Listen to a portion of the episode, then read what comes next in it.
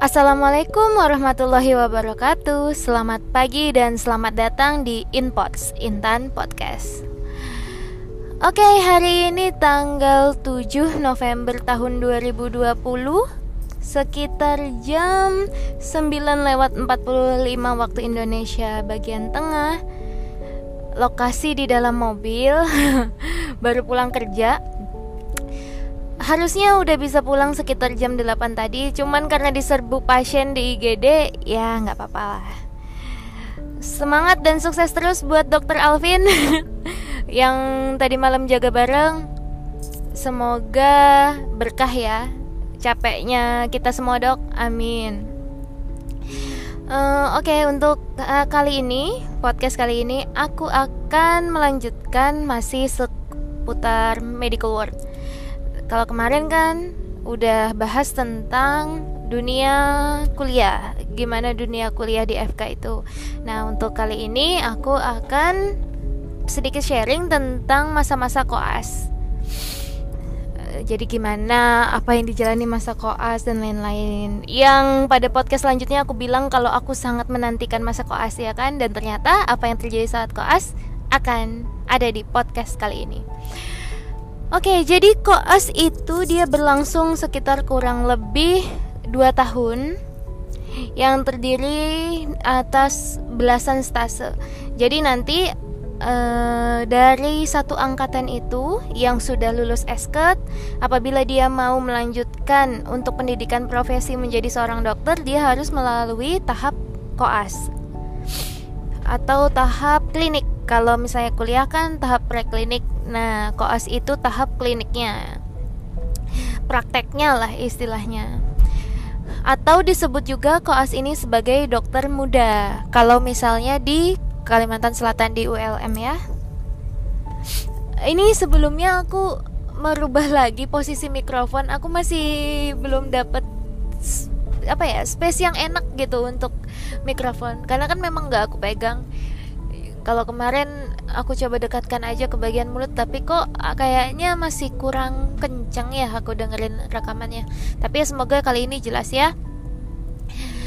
Uh, oke okay, jadi setelah nanti lulus dari esket uh, satu angkatan itu misalnya anggaplah ada 100 orang 100 orang yang lulus SK itu akan dibagi lagi dalam beberapa kelompok. Nah, besar kelompoknya ini kurang lebih seperti kelompok tutorial yang udah aku jelasin di podcast sebelumnya. Nah, kalau tutorial itu kan sekitar 10-11 orang seperti itu kan sama dengan kelompok koas jadi dia biasanya sampai 10 atau ada juga yang 9 8 tergantung bagaimana cara pemilihannya? Pemilihannya itu benar-benar pure uh, koncangan. Jadi kami semua dikumpulkan dalam satu ruangan. Waktu zaman aku dulu itu di teater FK Unlam. Nah itu kami dikumpulkan lalu kami harus maju satu persatu untuk ngambil kertas. Nah di kertas tersebut ada tulisan kelompok A, B, C, D, E, F dan seterusnya. Kalau nggak salah sampai kelompok N. Nah, setelah, setelah itu, setelah kita ambil kelompok sudah tertentukan, nah nanti kita akan menjadi kelompok-kelompok kecil, kelompok A, B, C dan seterusnya. Setelah pembagian kelompok, maka akan dilakukan eh, penjadwalan untuk masuk koas. Penjadwalannya itu dia bertahap, jadi biasanya ada tiga tahapan masuk atau tiga gelombang lah istilahnya. Jadi uh, setiap tiga kelompok, kelompok A, B, C itu satu stase. D, E, F, satu stase dan seterusnya dan nanti satu sama lain akan saling rolling. Namun stase-stase ini juga dibagi stase tahun pertama dan stase tahun kedua. Di mana stase tahun pertama itu kalau saat aku koas mungkin sampai sekarang nggak berubah ya kalau waktu zaman aku dulu itu yang stase ada di tahun pertama kayak anak, penyakit dalam, radiologi, seperti itu. Kalau tahun kedua itu sudah kayak bedah, objin, THT dan lain-lain. Nah, jadi nanti uh, akan masuk dan setiap tiga minggu sekali itu akan masuk kelompok baru atau gelombang kedua, lalu masuk gelombang ketiga dan seterusnya dan seterusnya.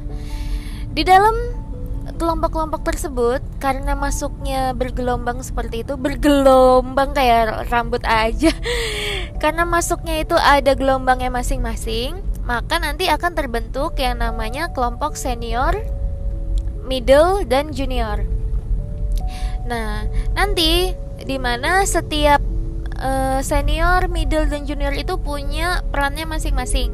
Biasanya, kalau untuk kelompok senior dia tugasnya selain untuk mengupluskan mengupluskan itu seperti menjelaskan kepada juniornya apa yang harus dilakukan dan segala macam kayak biasa. Nah dia juga yang harus lebih tahu pasien. Lebih tahu pasien istilahnya lebih sering ditanya lah sama konsulen.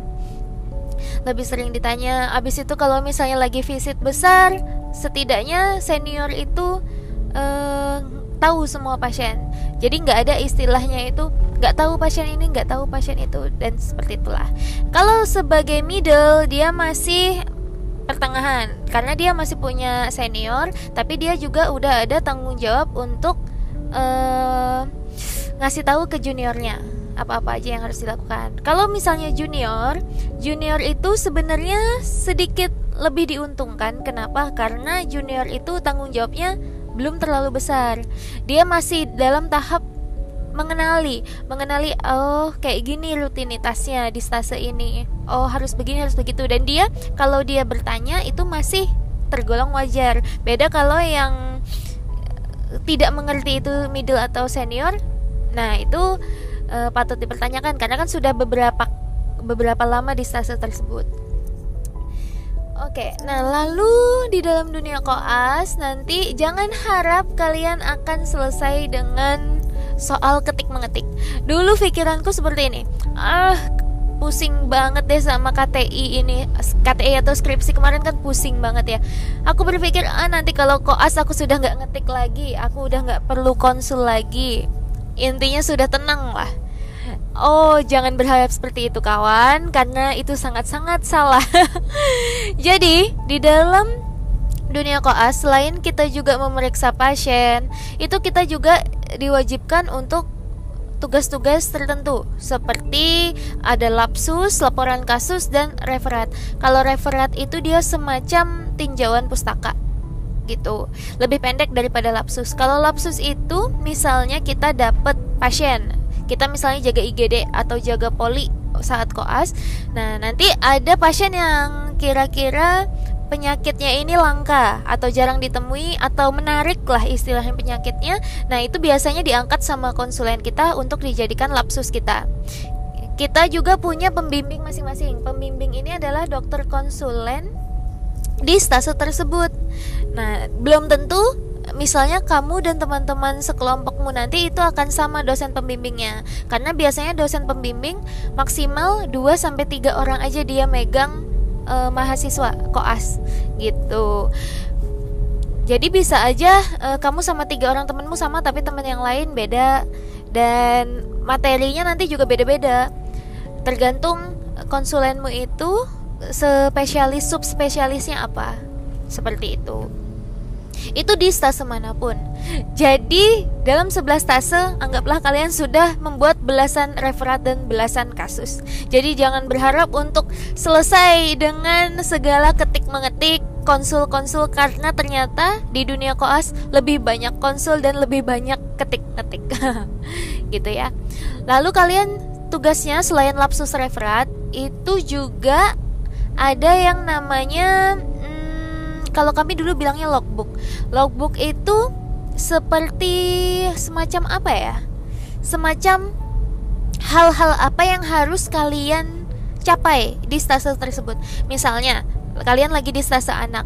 Di stase anak kalian harus uh, infus anak berapa puluh kali gitu misalnya 30 kali baru kalian bisa ikut ujian kalau misalnya kalian gak ikut ujian ya kalian gak bisa ke stase berikut berikutnya ya kan jadi istilahnya syarat untuk lulus salah satunya adalah dengan memenuhi syarat-syarat di stase tersebut bisa tentang infus masang NGT nasogastric tube atau masang kateter dan segala macam. Karena itu nanti memang akan terpakai.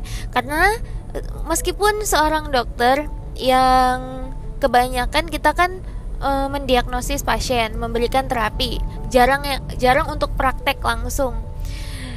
Saat nanti sudah kerja ya saat seperti sekarang nih aku kerja di IGD itu aku merasakan bedanya. Karena lebih dominan untuk diagnosa, memberikan terapi, e, baca konsulan dan lain-lain seperti itu. Kalau untuk e, praktek memasang infus, kateter dan lain-lain itu kebanyakan kakak-kakak perawat yang melakukan. Tapi jangan diremehkan. Kenapa? Karena tidak selamanya kita akan kerja di rumah sakit. Tidak selamanya kita kerja yang e, akan terus terpenuhi uh, SDM-nya seperti itu. Bisa aja kan suatu saat nanti kita kerja di pelosok atau kita kerja di mana kita tetap harus bisa infus. Meskipun kita dokter kita harus bisa infus, kita harus tetap bisa injeksi. Uh, kita juga harus bisa masang kateter misalnya. Karena misalnya cuma kita sendiri tenaga medis di sana ya sudah. Berarti kita harus bisa. Jadi jangan pernah remehkan yang namanya hmm, skill skill yang didapat saat preklinik maupun klinik kan saat kemarin aku ada cerita tentang praktikum. Nah praktikum waktu kuliah itu dia kan mempelajari gimana cara caranya segala macam. Nah prakteknya itu ya pas saat koas itu semuanya akan dilakukan. Kalau untuk tugas-tugas seperti itu eh, nanti juga biasanya setiap stase itu akan ada satu ketua satu koti. Nah jadi ketuanya itu dipilih dari awal kalian mau masuk sorry ya ada suara motor. Jadi untuk ketuanya itu dipilih dari saat kalian mau masuk di stase perkoasan. Misalnya kayak aku dulu aku jadi uh, koti THT atau ketua di stase THT. Nah, tugasku adalah ya mengayomi anggotaku. Jadi e, mengurus absensi terus menjadwalkan mereka maju lapsus e, menjadwalkan kapan e, kuliah besar atau bukan kuliah besar visit besar dan lain-lain dan lain-lain itu tugasnya seorang ketua stase. Nah, itu nanti akan rolling, teman-teman. Semuanya akan kebagian menjadi ketua. Jadi jangan harap kalian ah aku nggak bisa ah, aku malu jadi ketua, aku belum pernah jadi ketua. Tidak, saat koas kamu dituntut untuk menjadi seorang pemimpin, sekecil apa pun. Setidaknya kamu memimpin satu orang, ya kan? Istilahnya kamu tidak bisa selamanya menjadi anggota, kamu pasti nanti akan ada saatnya menjadi ketua.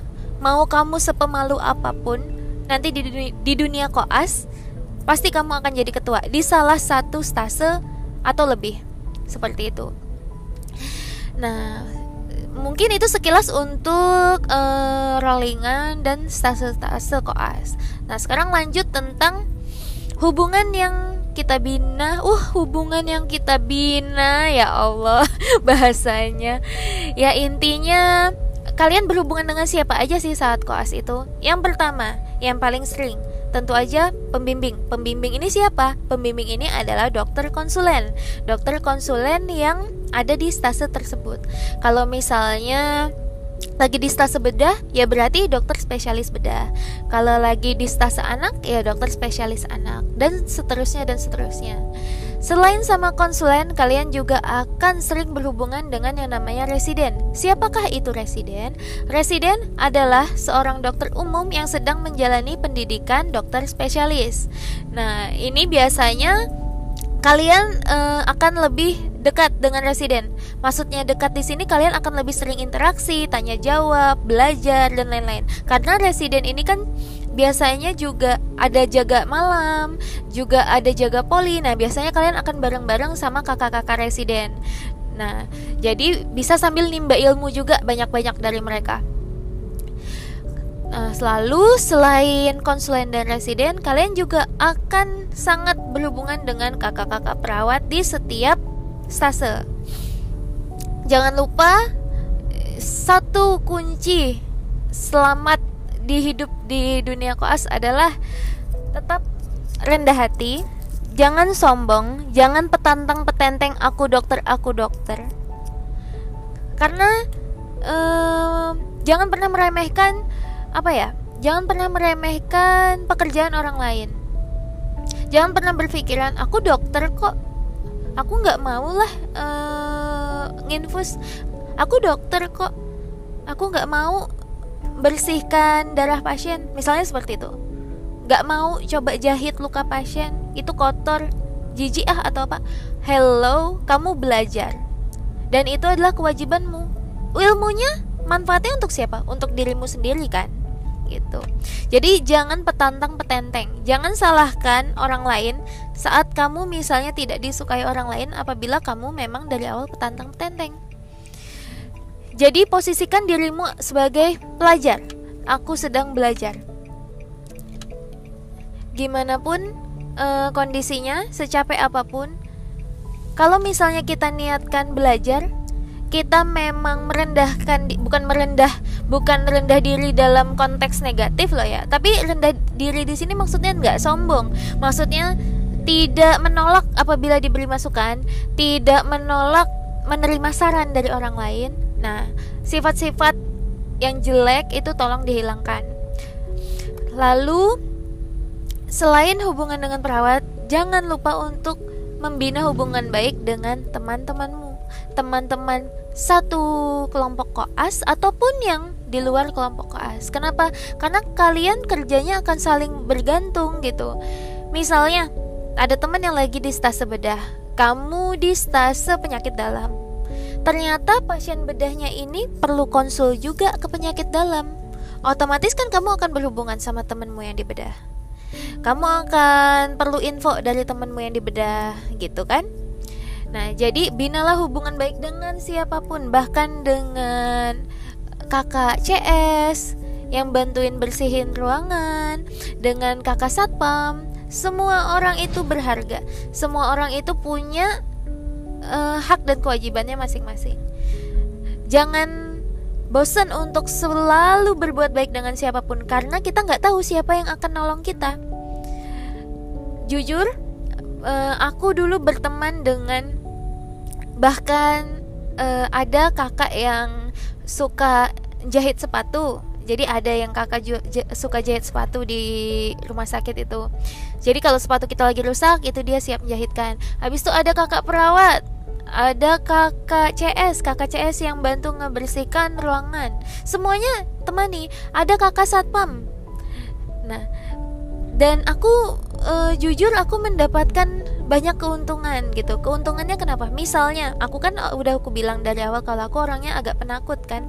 Misalnya aku harus visit sekitar jam 3, jam 2 malam di stase-stase tertentu yang pasiennya banyak. Nah, itu aku harus keliling rumah sakit yang sangat luas dan belum tentu pencahayaannya cukup ya kan nah di situ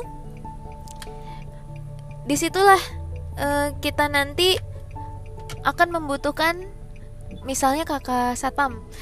Kayak aku berteman dengan pak satpam yang jaga di ruangan A. Lalu aku mau visit tengah malam nih atau visit jam 3 pagi. Aku nggak berani. Aku bisa minta temenin. Kak boleh nggak minta temenin saya keliling? Saya nggak berani gitu. Dan kakak-kakaknya mau nemenin gitu. Karena kita kan udah baik kita udah istilahnya nggak sombong. Jadi mereka senang aja bantu kita. Ya kan? Nggak ada ruginya kita berbuat baik dengan siapa pun. Itu yang harus diingat. Aku jadi kayak ceramah ya. Mohon maaf. Ya ini semoga jadi bekal lah untuk adik-adik yang mau kuliah kedokteran dan mau menjalani koas.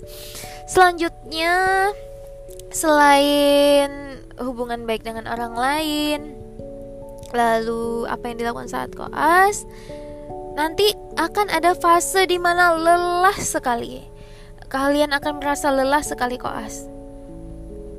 Tapi kalau misalnya kalian pikir lelahnya aja ya akan berat. Tapi kalau kalian pikir ah belajar. Ah asik uh, praktik. Oh asik aku bisa anamnesis pasien. Oh asik aku bisa lihat ronsen pasien aku bisa tahu penyakit ini, aku bisa mendalami lagi penyakit itu, misalnya seperti itu. Itu lama-lama akan terasa seperti rutinitas aja dan kamu akan merasa ringan kayak gitu loh. Pokoknya jangan dibebankan dengan pikiranmu yang aduh beban banget jaga lagi hari ini. Aku jaga malam lagi. Aku nggak tidur. Aduh pasienku banyak jangan kayak gitu. Karena kalau kayak gitu kamu sendiri yang rugi. Kamu yang capek ilmunya belum tentu dapet. Capeknya iya ilmunya enggak. Rugi banget kan? Capek capek tapi ilmunya dapet. Pengalamannya dapet. Itu baru sip. Gitu. Nah lalu kamu harus motivasi diri kamu sendiri untuk bertahan. Karena eh, apa ya koas itu tidak sedikit yang akhirnya menyerah yang akhirnya malah memilih untuk resign. Kalau resign kan kerjaan. Untuk memilih untuk stop. Karena nggak kuat gitu menjalani koas. Kalau aku dulu pikiranku adalah aku cuma pandang foto orang tuaku Aku ingat gimana perjuangan mereka supaya aku bisa terus kuliah. Lalu bagaimana doa mereka, bagaimana tangisnya mereka. Mere orang tua aku juga sedih gitu ngelihat anaknya capek, ngelihat anaknya kurang tidur. Kadang sampai jatuh sakit. Jujur aku waktu koas dulu sempet sampai diinfus gitu. Saking capeknya. Pingsan alhamdulillah nggak pernah, tapi sempet diinfus. Nah, ingat orang tua ingat perjuangan mereka, maka nanti akan uh, motivasi untuk bertahannya itu lebih kuat. Gitu. Dan jangan lupa, ini adalah hal paling penting menurut aku. Jangan lupa untuk re refreshing. Aduh, itu penting banget di dunia koas. Refreshing itu nggak mesti harus kalian jalan-jalan keluar kota, traveling ke mana Aku orangnya suka traveling, tapi saat koas itu tidak memungkinkan. Jadi carilah hobi kalian yang memungkinkan kalian lakukan selama masa koas dan itu bikin kalian happy. Bikin kalian enak. Bikin kalian enak menjalani koas itu. Nah, jadi untuk misalnya kalian suka melukis, lukislah jadi segarkan pikiran kalian. Atau kalian suka renang. Renanglah saat ada waktu luang. Lakukan yang kamu suka, lakukan yang kamu bisa dan selagi itu tidak mengganggu jadwal kamu. Kamu suka nyanyi, nyanyi. Kamu suka misalnya hmm, apa ya? Jalan-jalan, bolehlah jalan-jalan asal lagi nggak jaga. Itu kan? Pokoknya re refreshing jadi pikiran kalian fresh terus uh, semangat terus nggak suntuk. Jadi hasilnya nanti juga maksimal. Abis itu kalau aku dulu pernah tuh di tengah-tengah koas rasanya ih berat banget sih sudah ah capek nggak kuat gitu. Cuman aku mikir lagi aku nih sudah nyemplung Aku nih sudah nyemplung ke lautan, aku sudah berenang dengan susah payahnya sampai di tengah. Lalu cuma ada dua pilihanku. Uh, tenggelam, berhenti dalam artian tenggelam, aku nggak jadi apa-apa, atau aku terus berenang, terus berusaha sampai ke tepi yang di ujung sana dan aku dapat yang aku mau. Tuh. Dan aku memutuskan untuk yang kedua. Gitu. Jadi selalu tanamkan motivasi-motivasi yang dari diri kalian sendiri karena sebenarnya yang bisa uh, mengatur diri kalian, yang bisa manage hati kalian itu ya diri kalian sendiri, bukan orang lain, bukan pacar, bukan keluarga, bukan sanak saudara dan lain-lain. Itu tetap kuncinya di kalian sendiri. Nah, jadi semoga berhasil ya yang sedang menjalani koas ataupun mau menjalani koas. Amin. Nanti setelah koas selesai, ternyata perjuangannya belum selesai. Setelah kalian menjalani koas, nanti selanjutnya kalian akan menghadapi UKM PPD. Apa itu UKM PPD? Akan kita bahas di podcast selanjutnya sekaligus membahas masa-masa internship. Oke, okay? terima kasih sudah mendengarkan podcast Intan kali ini. Semoga bermanfaat untuk kita semua. Mohon maaf kalau banyak suara bising dan tidak nyaman karena memang kondisinya di mobil dan sambil jalan pulang. Uh, lalu, mohon maaf kalau suara saya besar kecil besar kecil masih belum bisa ngaturnya ya. Semoga berkenan untuk mendengarkan podcast selanjutnya. Terima kasih, selamat pagi menjelang siang dan assalamualaikum warahmatullahi wabarakatuh.